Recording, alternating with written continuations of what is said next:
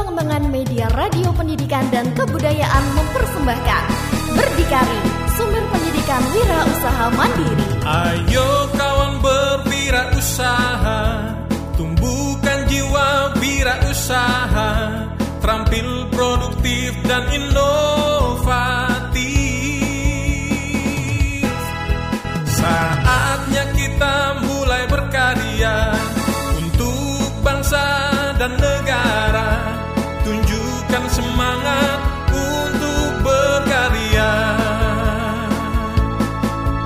Berdikari karya inovasi Sumber pendidikan wira usaha mandiri Berdikari karya inovasi Sumber belajar mandiri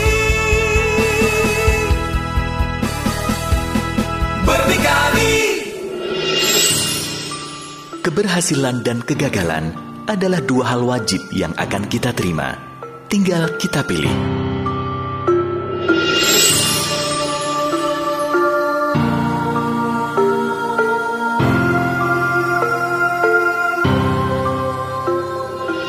Sobat Mandiri, berjumpa kembali dalam program Berdikari, sebuah program pengayaan mata pelajaran prakarya dan kewirausahaan untuk siswa SMA MA. Kali ini dengan judul Sukses dalam Bisnis Catering Itu Mudah.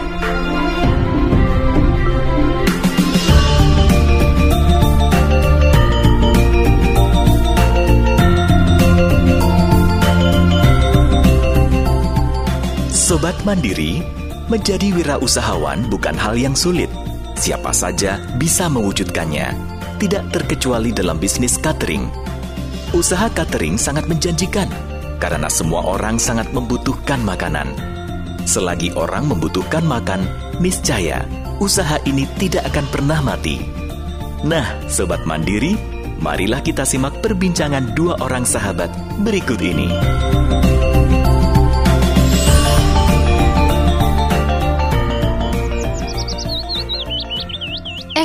Kenapa kamu tampak galau gitu? Diputusin pacar ya? Ye, enggak lah. Terus kenapa dong? Hmm, udah lama sekali aku nganggurin. Cari kerjaan, tapi selalu nihil. Mau sampai kapan aku seperti ini terus? Terus kau maunya gimana? Hmm, aku ingin buka usaha, Rin. Buka usaha? Usaha apa? Udah banyak loh orang di dunia ini yang melakukan usaha, Ted. Hmm, makanan. Wah, kamu, Ted. Makanan aja yang kamu pikirin.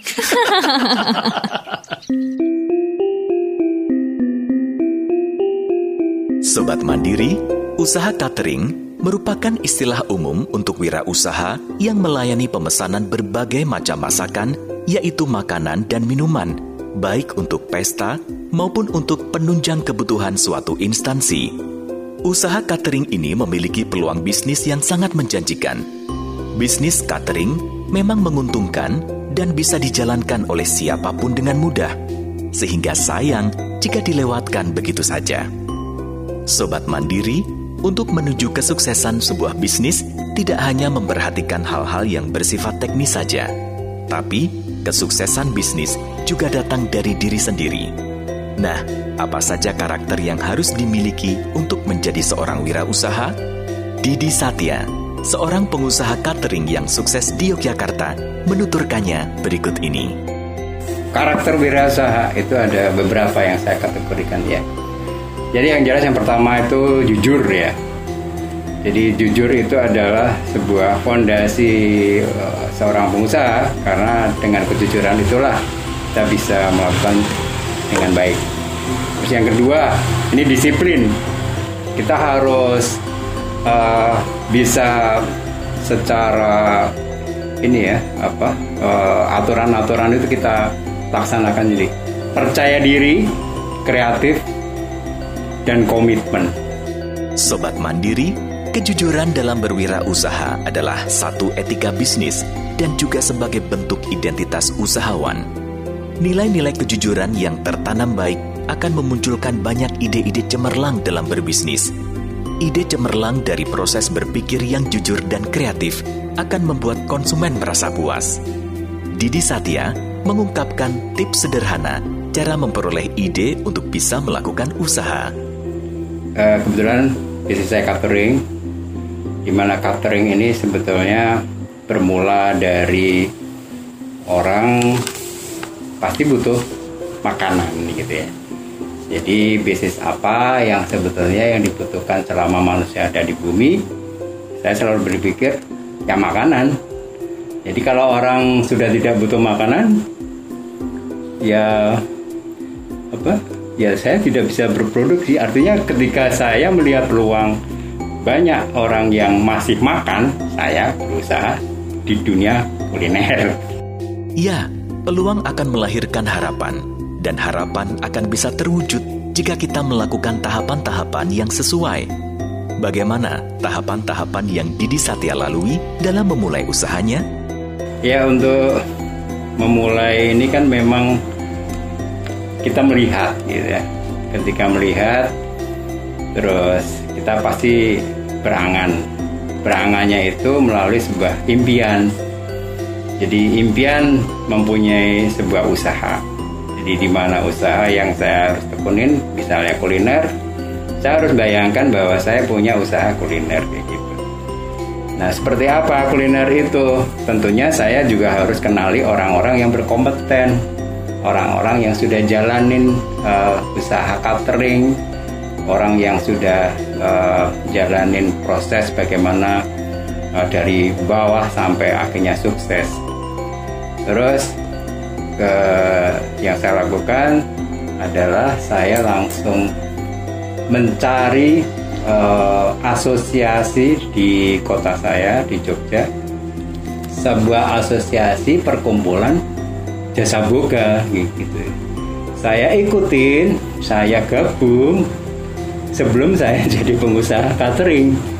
Jadi orang-orang yang kenal dengan saya di klub di klub uh, asosiasi itu orang mengira bahwa saya itu sudah mempunyai usaha catering. Tahapan selanjutnya adalah uh, yang saya bilang just do it ya. Lakukan saja apa yang kira-kira yang kita harus kerjakan, rencana apa saja yang kita harus uh, lakukan, kerjakan saja kayak gitu.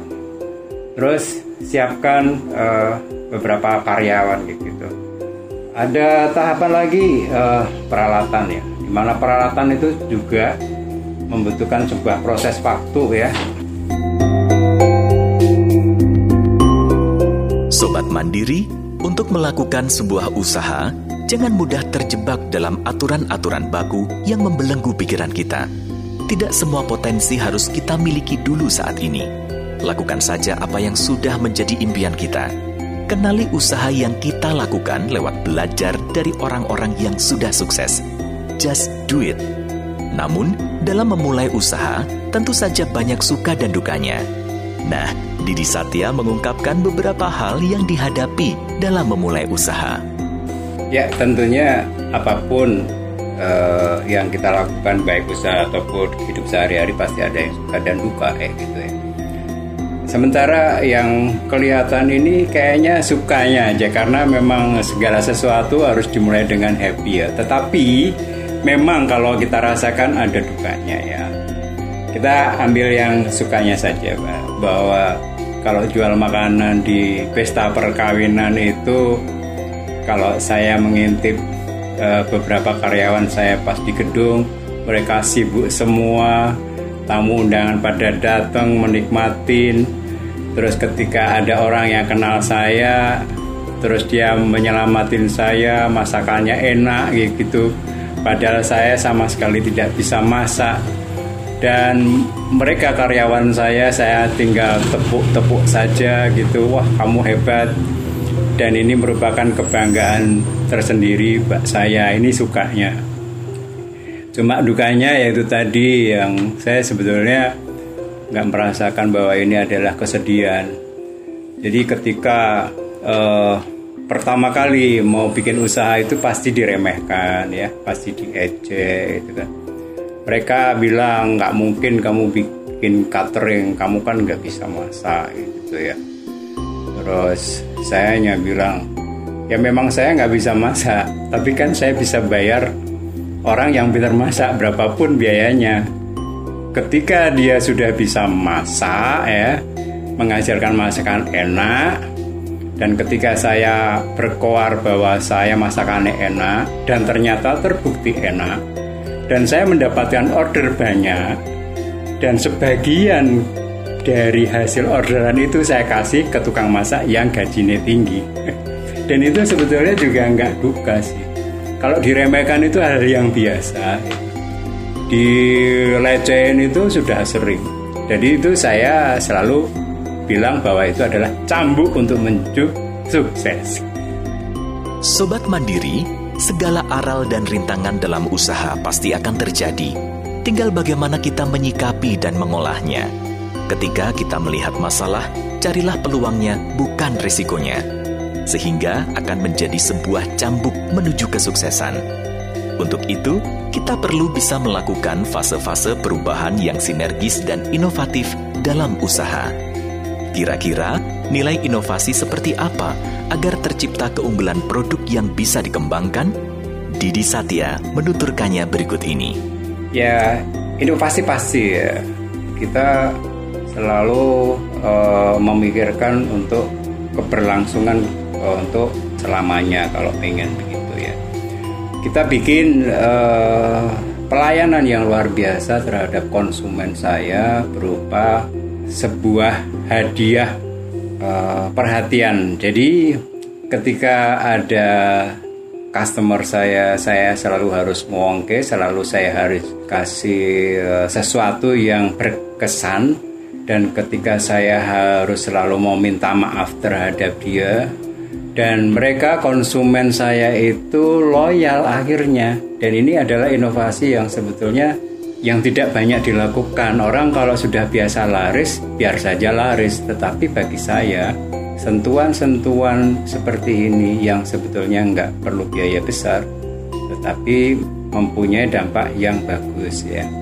Setelah uh, mereka puas, tentunya ketika saya kasih sentuhan, saya kasih uh, sebuah gift atau apa pun, perhatian, akhirnya mereka yang puas akan menyebarkan informasi kepuasan itu terhadap orang-orang yang mau pesan catering saya dan itulah uh, pemasaran yang efektif yang saya bilang marketer sejati tanpa harus bayar tinggi.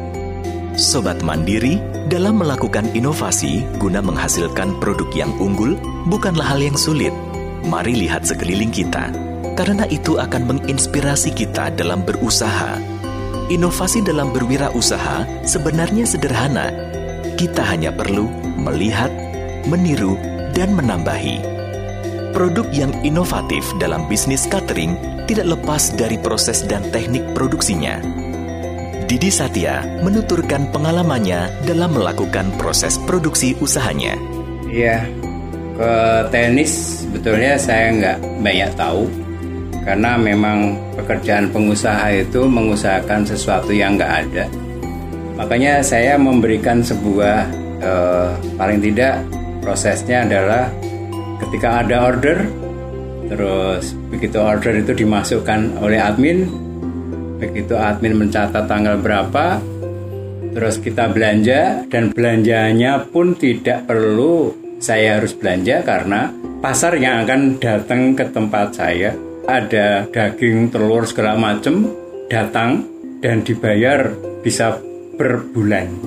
Dan setelah barang pada datang lengkap, akhirnya kita masak. Tentunya yang masak adalah lebih pinter dari saya dan saya nggak tahu apa-apa. Mereka ada yang rajang sendiri, ada yang masak sendiri, ada yang cuci sendiri, dan mereka melakukan kegiatan tenis sendiri.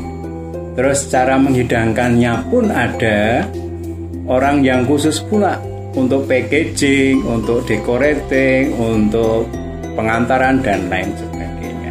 Dan ini sebuah proses yang sebetulnya sangat mudah dan saya hanya melihat dari satu sisi saja sih saya tidak tahu teknisnya seperti apa. Ya, menjadi pengusaha intinya harus bisa memanfaatkan peluang yang ada. Lalu, bagaimana bentuk pemasaran dari usahanya?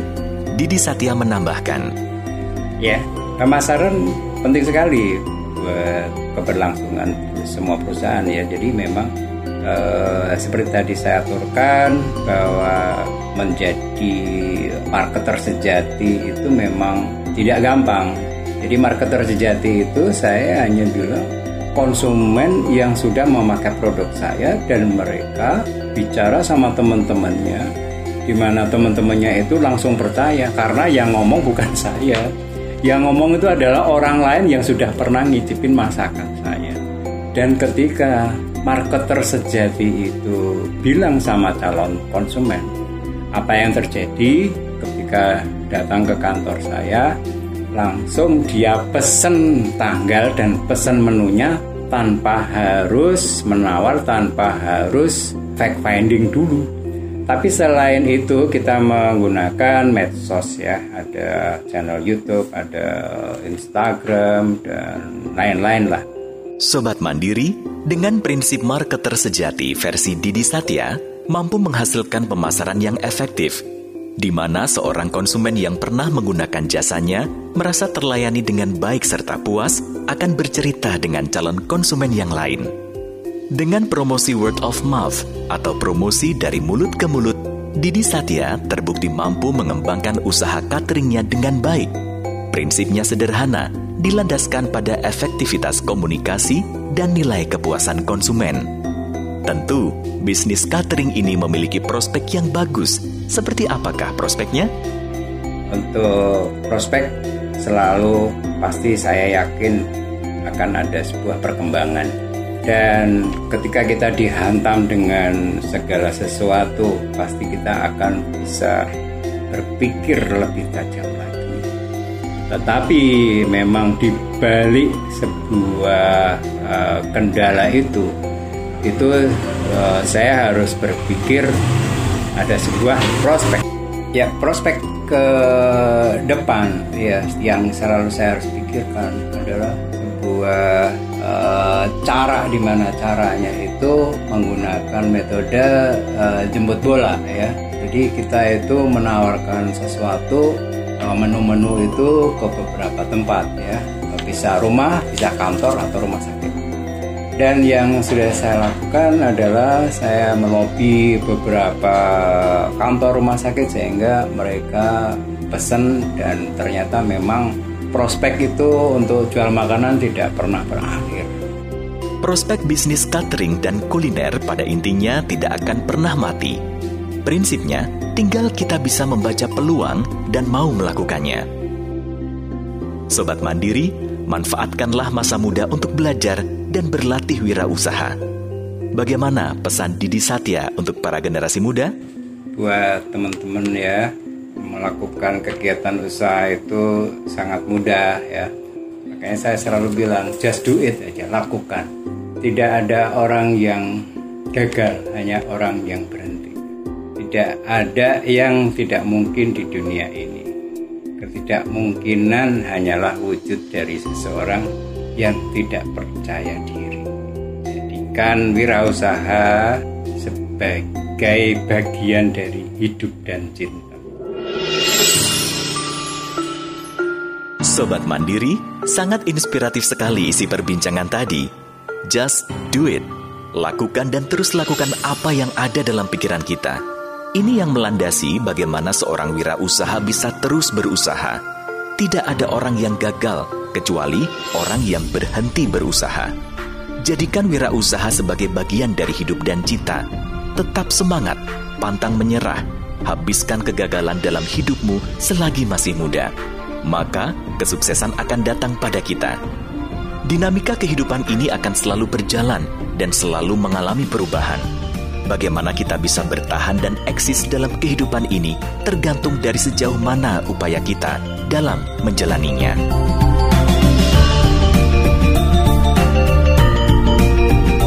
Nah, Sobat Mandiri, demikianlah program Berdikari, sumber pendidikan wirausaha mandiri Produksi Balai Pengembangan Media Radio Pendidikan dan Kebudayaan Kementerian Pendidikan Kebudayaan, Riset dan Teknologi. Sampai jumpa pada program selanjutnya. Salam Mandiri.